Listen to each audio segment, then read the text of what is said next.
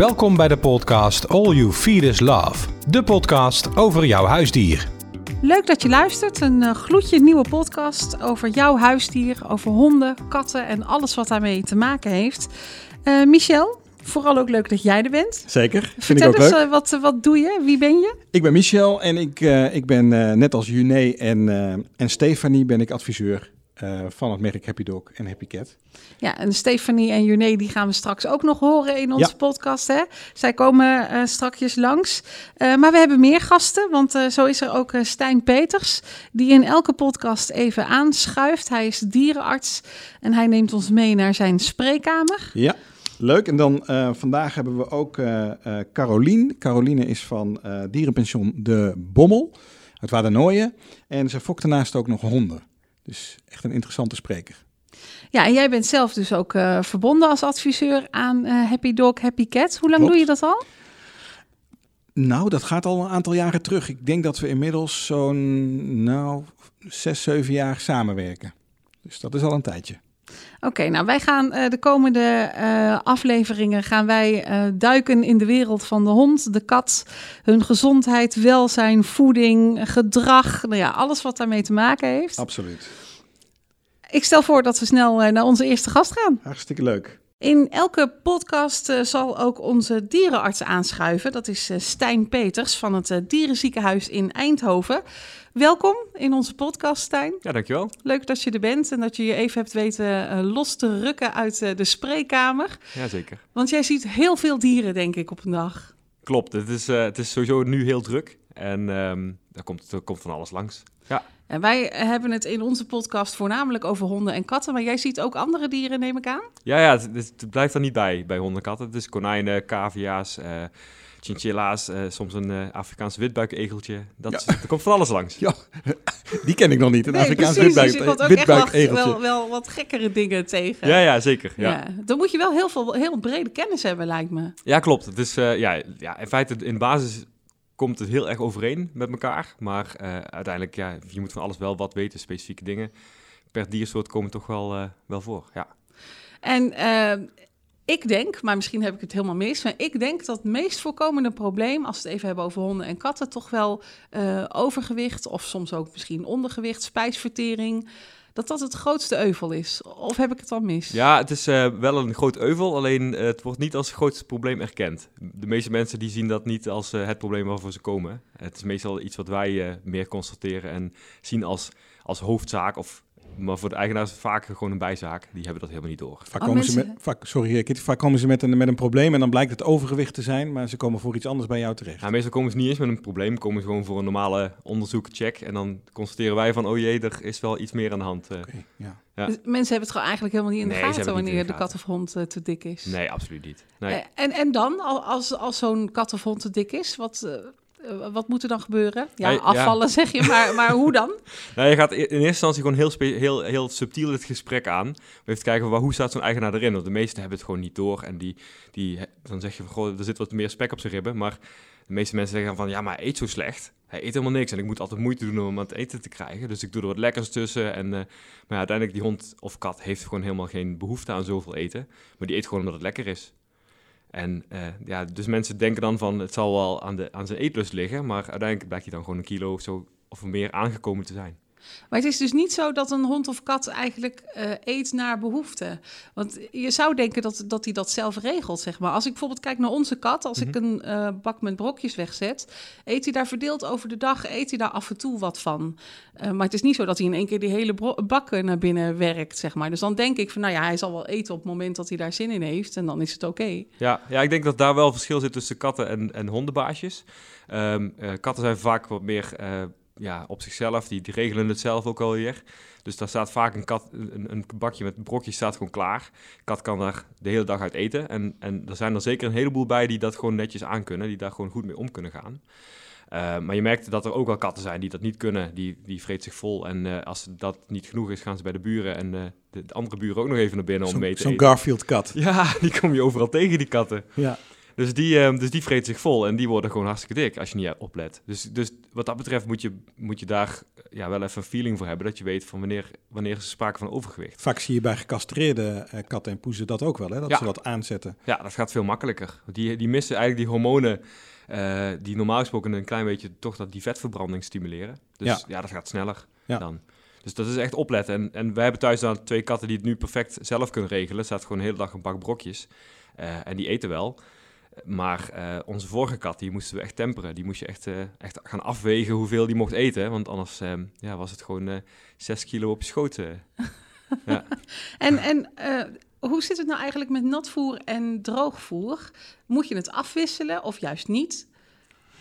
Ja, dat is een goede vraag. Bij overgewicht ehm, is het wel zo dat natvoer gewoon beter vult. Dus je hebt veel vulling en, en in feite weinig, weinig calorieën.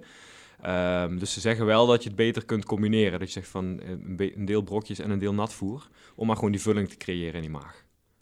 En als een kat zou moeten afvallen, is het dan juist andersom? Moet je dan het natvoer weglaten of juist de brokken weghalen? Nee, in principe niet. Nee, je mag gewoon natvoer blijven geven, want dat vult ook. En eh, er is ooit ergens een onderzoek gedaan eh, dat, dat inderdaad katten die, die vlees aten, dat die uiteindelijk ehm, zelf beter bepaalden wanneer ze stopten dan dat ze brokjes kregen. Van brokjes bleven ze dan constant dooreten. Dus waarschijnlijk is die combinatie juist van brokjes en vlees is gewoon veel beter dan alleen maar brokjes. Ja, dat heb ik altijd met chips. Als ik helemaal aan chips begin, dan blijf ik knabbelen. Dus Ja, dat zal die Ja, kat ook dat, dat klinkt, dat klinkt bekend, ja. en hoe is dat voor honden? Is dat anders bij honden? Ja, honden, honden zijn in die zin heel anders dan, dan katten. Dat zijn ehm, in principe... eh, katten zijn echt van die snackers. Die willen de hele dag door een klein beetje eten. En honden, dat zijn schranzers. Die, willen, die, die eten gewoon eventjes een, een, een paar dagen van iets wat ze gevangen hebben. En dan eten ze twee dagen niet. Dan denken ze, nou, heeft iemand honger? Nou, dan vallen we weer iets aan, pakken we weer iets. Dus die zijn helemaal niet gewend aan ons ritme van eten. En wat mensen dan veel, heel erg, vaak in vastzitten... is van, hij moet ochtends eten, hij moet 's avonds eten. En tussendoor moet hij nog een eh stikje na het wandelen. En als hij dat niet doet, dan is er iets afwijkends. Terwijl die hond denkt van, ja, mijn buik zit vol, ik hoef niet meer. Die slaat gewoon een dag over. Nou, heel normaal voor een hond. Eh, alleen in ons hoofd, bij mensen, zit dat heel anders. Die denken daar, die denken daar heel anders over na. Dus die, ehm, ja, die honden zitten gewoon veel sneller vol. Dus als een hond een dag niet eet, prima. Dan haal je zijn brokken weg, zet je ze de dag daarna weer neer. En dan moet je niet er iets lekkers bij gaan doen om die hond te stimuleren om juist te eten. Want dan gaat hij zich overeten. Ja, oké. Dus ook een beetje eigenlijk ook eh, aan de natuur overlaten, letterlijk en figuurlijk. Zeker weten. Ja. Ja, ja. Eh, dan nog een laatste vraag. Ehm, eh, wij hebben het in, in het voorgesprek eh, over gehad, eh, Michel, maar daar was, was jij als dierenarts nog niet bij. Jij vroeg toen aan mij, Michel, wat denk jij? een kat, eet hij liever vlees of vis? En hoe zit dat bij de hond? Eet hij liever vlees of vis? En de meeste mensen denken, de kat gaat voor vis en de hond gaat voor vlees, maar het schijnt andersom te zijn, hè? Oh, nou, ik, ik, ik, ik heb thuis alleen maar katten gehad die de- van de een vond inderdaad vis veel lekkerder, de ander vond juist vlees, eh, de ander of kip of iets dergelijks veel lekkerder. Er zat echt heel veel verschil in. Ja, onze hond die vreet alles, dus geen idee hoe Oh, dat... dat eh, maakt niet uit. Nou, dan is het misschien een broodje aap. Het zou zomaar kunnen. Nou, ik vind dat wel iets om even uit te gaan zoeken. Ja. Dus eh, daar, gaan we, eh, daar gaan we de boeken voor induiken. En eh, wie weet komen we er nog een keertje op terug. Eh Stijn, dankjewel voor je bijdrage voor nu. Maar ik zou het leuk vinden als je in de volgende podcast er weer bent. Om eh, weer een ander probleem eh, uit eh, de spreekkamer hier in de podcast te behandelen. Dat is goed. Doen we. Leuk. Caroline van der Lagemaat is van Dierenpension De Bommel. En ze is bij ons aangeschoven om daar eens wat over te komen vertellen. Leuk dat je er bent, Caroline. Hallo. Ehm, dierenpension, eh, waarom ben je daar ooit mee begonnen? Hoe ging dat? Eh, wij fokken eh Labrador Retrievers. En in 1992 zijn wij begonnen met het fokken van Labradors. En eh, ons, onze klanten, onze puppykopers, die kwamen regelmatig bij ons de honden brengen. Ehm, omdat het wij eigenlijk daar niet meer zoveel plek voor hadden, ondanks dat wij een vrijstaande boerderij hadden, zijn we eigenlijk in Waddenooien gaan kijken naar een dierenpension. Die hebben we gekocht. En ja, toen kwamen er nog meer mensen naar ons toe. En in 2002 hebben wij, zijn wij met nog een ras eh, gaan fokken. En dat is een Nova Scotia Duck Tolling Retriever geworden. En ja, in ons pension hebben wij hoofdzakelijk retrievers. Nova Scotia Duck Tolling Retrievers, Labrador Retrievers, Flatcoat Retrievers, Kruising Retrievers, maar hoofdzakelijk retrievers. En voor hoeveel honden heb je plek? 125. Zo, dat is een groot pension. En heb Doe je, maar. heb je dan eh, dus alleen deze honden, alleen ook eh, eh, hè, alle eh, retrievers die je nu genoemd hebt? Geen katten of andere dieren? Geen katten. We hebben wel nog een aantal jachthonden eh, erin zitten, maar we hebben eh, ja, bepaalde rassen nemen wij gewoon niet aan. En als mensen op vakantie gaan en op, op zoek gaan naar een goed dierenpension, waar moeten ze dan op letten voor, volgens jou? Uh, nou, dat een pension aangesloten is bij een DBEVO, dat hij het keurmerk heeft van uh, dierbaar. En uh, ja, ze moeten altijd, vind ik, gaan kijken in het pension of het wel aanstaat hoe dat pension eruit ziet, hoe dat er met de dieren omgegaan wordt, of dat er voldoende personeel is die voldoende geschoold is. Dus dat vind ik wel heel belangrijk als mensen dat. Ja. En wat maakt jouw pension nou zo speciaal? Um, wij hebben ook, uh, buiten dat wij uh, de honden gewoon in een kennel hebben zitten, hebben wij ook themakamers. Ja, je zegt themakamers. Wat, wat, maar wat voor thema's zijn dat dan? Wat moet ik me daarbij voorstellen? Nou, we hebben bijvoorbeeld een Oosterse kamer. En uh, dat willen we eigenlijk bedoeld dat er een beetje Oosterse sferen hangen. Dus er hangen uh, papegaaien aan de, aan de wanden. En er hangt een kleed, uh, zo'n klamboekleed hangt er. beelden van boeddha's hangen aan de plafonnen. Het is eigenlijk heel gezellig ingedeeld, een beetje in de Oosterse sfeer. dan hebben we een strandkamer. Dat is eigenlijk een heel blauw plafond. En daar hangen vliegers aan, daar hangen vogels aan. Daar hangen rieten manden, zijn eigenlijk onze lampen. En een beetje echt een beetje het, het strandidee. De, aan de muur hangen allemaal uh, schilderijen met, met strandafbeeldingen. Dan hebben we nog uh, Curaçao. Curaçao, uh, dat is een wit, een wit plafond. En de, de wanden zijn een beetje, een beetje grijsachtig. En daar hebben we eigenlijk een beetje vrolijke kleuren, zoals oranje, roze. Er hangen flamingo's hangen er aan de muur. er, er hangt een beetje strand hangt er aan, aan de wand, zeg maar. Dat je het idee hebt dat je aan het strand zit. Dan hebben wij Italië. Uh, Ita dat is een hele mooie. Ja, Italië. daar, hebben maar, daar zijn maar drie kleuren in. Dat is rood, uh, wit en groen. Mm -hmm. uh, er hangen ijsjes hangen aan de muur. Er hangen scooters aan de muur. Er hangen in de, helemaal bovenaan het plafond hebben we een soort was hangen. Maar die wastas zijn eigenlijk kleedjes die klanten voor ons mee hebben genomen met echt het Ita Italiaanse kleden erin. Dus die hangen eigenlijk als Italiaanse was bovenaan. Oh, wat gaaf. Ja. En um, ja, wat hangt er nog meer? Eigenlijk allemaal, dat, die, die hele kamer is rood, wit en groen. Hebben, hebben de honden dan ook een uh, bepaalde voorkeur voor een kamer? Nee, dat nee, zien? nee, wij okay. bepalen welke hond in een bepaalde kamer gaat. Oh ja, ik wilde net vragen inderdaad. Ja. Wie bepaalt het? Uh, wij zelf, jullie of de kijken baas, wel, welke groep dat Of de vakantie van de, van de eigenaar, kan nee, ook nee, nog. Nee, want klanten zeggen wel eens, oh, ik wil heel graag dat hij in Griekenland is, want hij is heel leuk. Want Griekenland is dus echt blauw met wit. En dan heb je ook echt, echt het idee van je zit in Griekenland. Uh, echt, ja, dat is echt een beetje Grieks, Griekse ideeën. En uh, nee, maar wij bepalen zelf want wij moeten kunnen kijken welke hond in een bepaalde groep kan. Want Ja. kan die niet in een groep, dan kan je hem altijd nog in een andere groep zetten. Want de reuien en teven zitten ook in de themakamers apart. Dus je moet echt, echt apart Maar het is wel zo, baasje op vakantie, hondje op vakantie. Dat is echt wel zo, ja. Dat vinden de honden ook echt. Want het leuke is als de bazen dan de hond op komen halen. En eh, de bazen die zijn blij om een hond te zien. Dat de hond denkt, oh, dan heb je de baas weer. Doei, ik ga weer terug. En dat, is- dat, dat vind ik het mooiste. Ja, Ja. En dan komen ze graag ook nog Daar komen ze terug graag natuurlijk. terug. Ja. Nou ja, je hoort ook wel eens van mensen dat als ze aankomen rijden bij ons, als ze snelweg afrijden, dat de hond elkaar begint te janken in de auto. En dat hij eerder binnen is dan dat de bazen bij ons binnen zijn. geweldig. Kijk, dat is mooi. Zo wil je het ook. hè? Want dan Ja. laat je hem ook met een gerust hart Ja. achter. Hè? Ja, ja. En, en pas je daar dan ook nog de het voer op aan eh, als die in de Griekenlandkamer of in de Italiëkamer zit? Nee, daar passen we het niet op aan. Nee, nee, Nee, Ze krijgen wel gewoon allemaal hetzelfde. Ze krijgen allemaal hetzelfde. Ja. Leuk dat je er was, eh, Caroline. Eh dankjewel voor jouw toelichting. Graag gedaan. Mochten mensen meer informatie willen over eh, jouw eh, dierenpension, waar kunnen ze dat vinden? Dat kunnen ze op internet vinden en dat is www.dierenpensiondebommel.nl. En moeten mensen ruim van tevoren reserveren in het hoogseizoen? Ja, ze moeten ruim van tevoren reserveren, want wij zitten eigenlijk bijna vrij snel vol. Dankjewel. Graag gedaan. In onze podcast eh, schuiven ook altijd onze dames aan, Stefanie en Juné.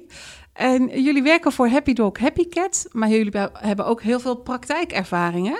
Ja, klopt. Ja. Want jullie hebben allebei bij een dierenarts gewerkt, of hoe moet ik dat zien? Eh, ja, ik heb jarenlang in een eh dierenartspraktijk gewerkt als, eh, als assistente. En jij, Juné? Ik ook. Ik heb eh, een jaar, anderhalf jaar ook als assistent in een kliniek gewerkt. En eh, ja, ook een vooropleiding gehad ervoor.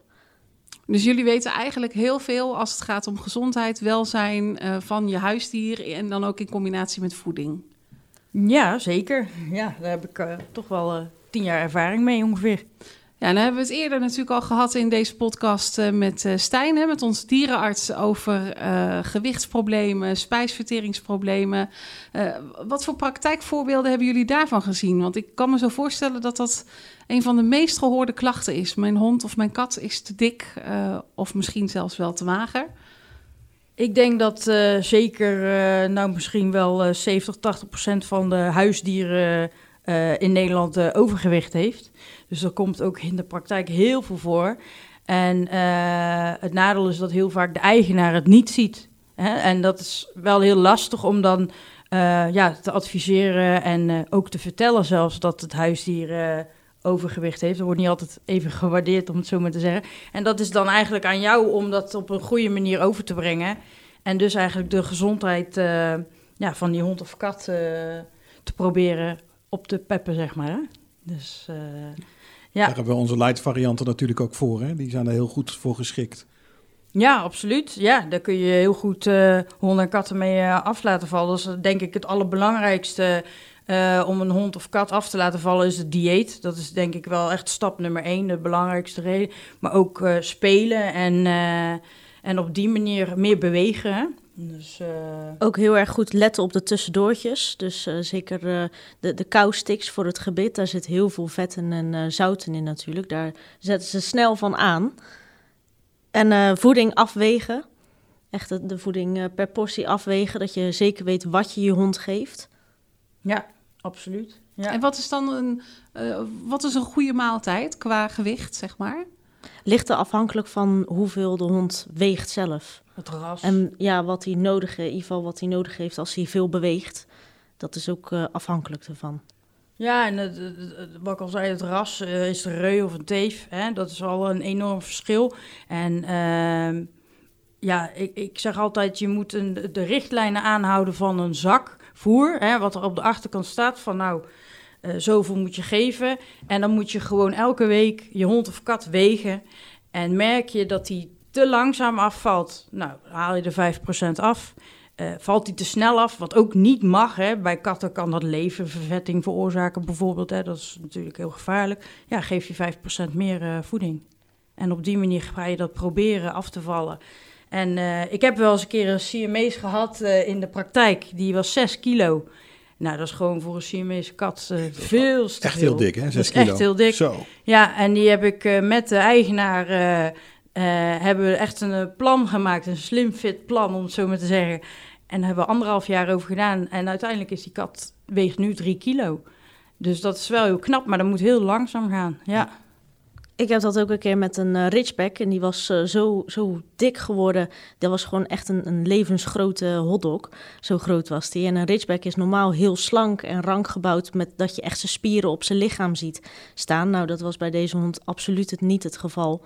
Die is ook heel het traject met uh, gewichtverlies ingegaan. Eigenlijk en ook dat heel ging... zielig voor die dieren, hè? dat ze zo, zo, ja, zo dik zijn eigenlijk. Ja, nee, de, de, baasjes hebben het heel vaak ook niet in de gaten. Nee, die denken dat ze goed doen natuurlijk. Het is ergens wel een, een, kleine vorm van, van dierenmishandeling. Ja, het is natuurlijk wel even een stempel waar je geeft. Maar ja, als zo'n dier veel overgewicht heeft... kan die gewoon echt heel veel gezondheidsproblemen krijgen. Hè? Denk aan hartproblemen, vaatproblemen, gewrichtsproblemen. Ja. ja, dat zei Stijn het ook al. Hè? Dat, uh, dat is echt, echt een probleem. Ja.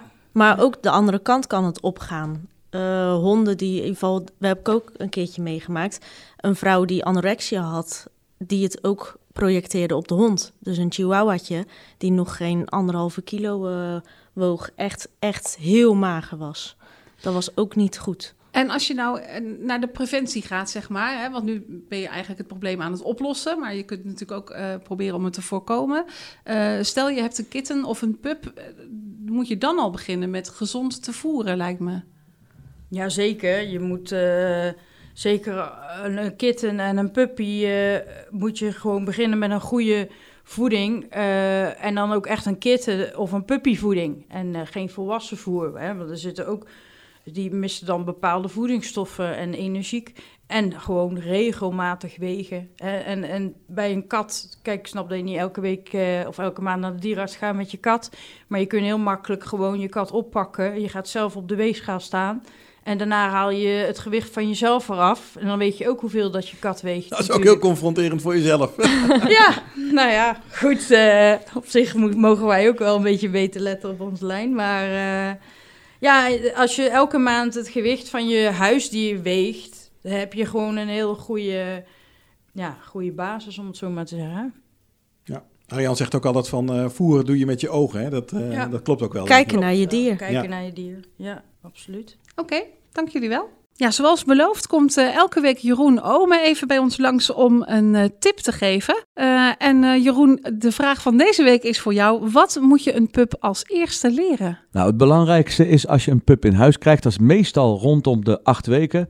Dat is de leeftijdsfase waarin dat hij moet leren hoe de wereld in elkaar zit. Dus het belangrijkste in het begin als je pup in huis krijgt, is dat hij weet hoe de wereld in elkaar zit met betrekking tot mensen, honden en omgeving. Ja, Michel, daarmee zijn we aan het einde gekomen van deze eerste aflevering van eh, All You Feed is Love. Nou, was leuk. Ja, hè? Heel bijzonder. Ja, ik heb toch wel weer een hoop dingen gehoord die ik eigenlijk nog niet wist. Dus ook voor mij is het heel leerzaam. Kijk, als jij er zelfs nog wat kan, van eh, kan leren, is wat mij betreft eh, de missie geslaagd. Absoluut.